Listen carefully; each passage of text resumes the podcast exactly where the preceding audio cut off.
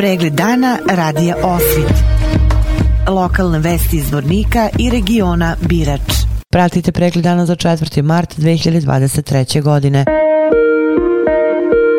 U organizaciji Gradskog crvenog krsta i Srednjoškolskog centra Petar Kočić Zvornik u prostorijama transfuzije Zvornik u ponedeljak 6. marta i utorak 7. marta sa početkom u 8 časova bit će organizovana akcija dobrovoljnog davanja krvi. Kako su istakli iz Zvorničkog crvenog krsta svake godine, odziv učenika je sve veći i veći, a darujući krv, deca proveravaju svoje zdravlje i saznaju krvnu grupu. Iz Zvorničkog crvenog krsta pozivaju sve sugrađene da se odazovu na ovu humanitarnu akciju jer ova dragocena tečnost nekome znači život.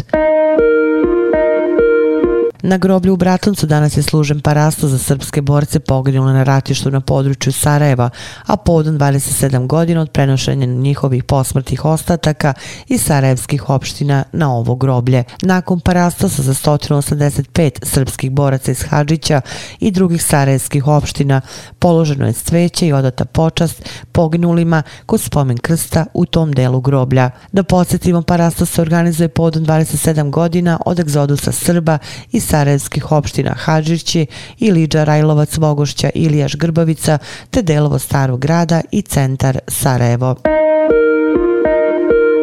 Mališani iz obdaništa Poletarac u Milićima povodom 8. marta Međunarodnog dana žena učestvovali su na radionici na kojoj su pravili čestitke koje će pokloniti mamama. Podršku u ovoj misiji deca su osim vaspitačica imali i od svojih očeva. Na radionici je učestvovalo 67 mališana iz tri vrtičke grupe, a čestitke mamama bit će uručene 8. marta.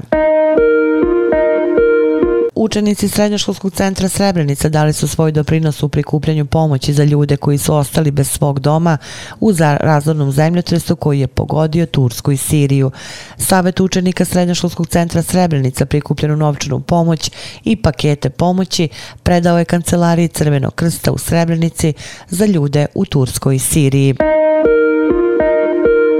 Srpska pravoslavna crkva i vernici danas slave Todorovu subotu, prvu subotu Vaskršnjeg posta. Slavi se kao krstna slava, a za svetog Teodora, narodski Todora, veruje se da je zaštitnik stoke, naročito konja. U spomena Todora i taj dan crkva kuva takozvano Todorovo žito, koje se uoči prve nedelje velikog posta osvećuje i deli vernicima.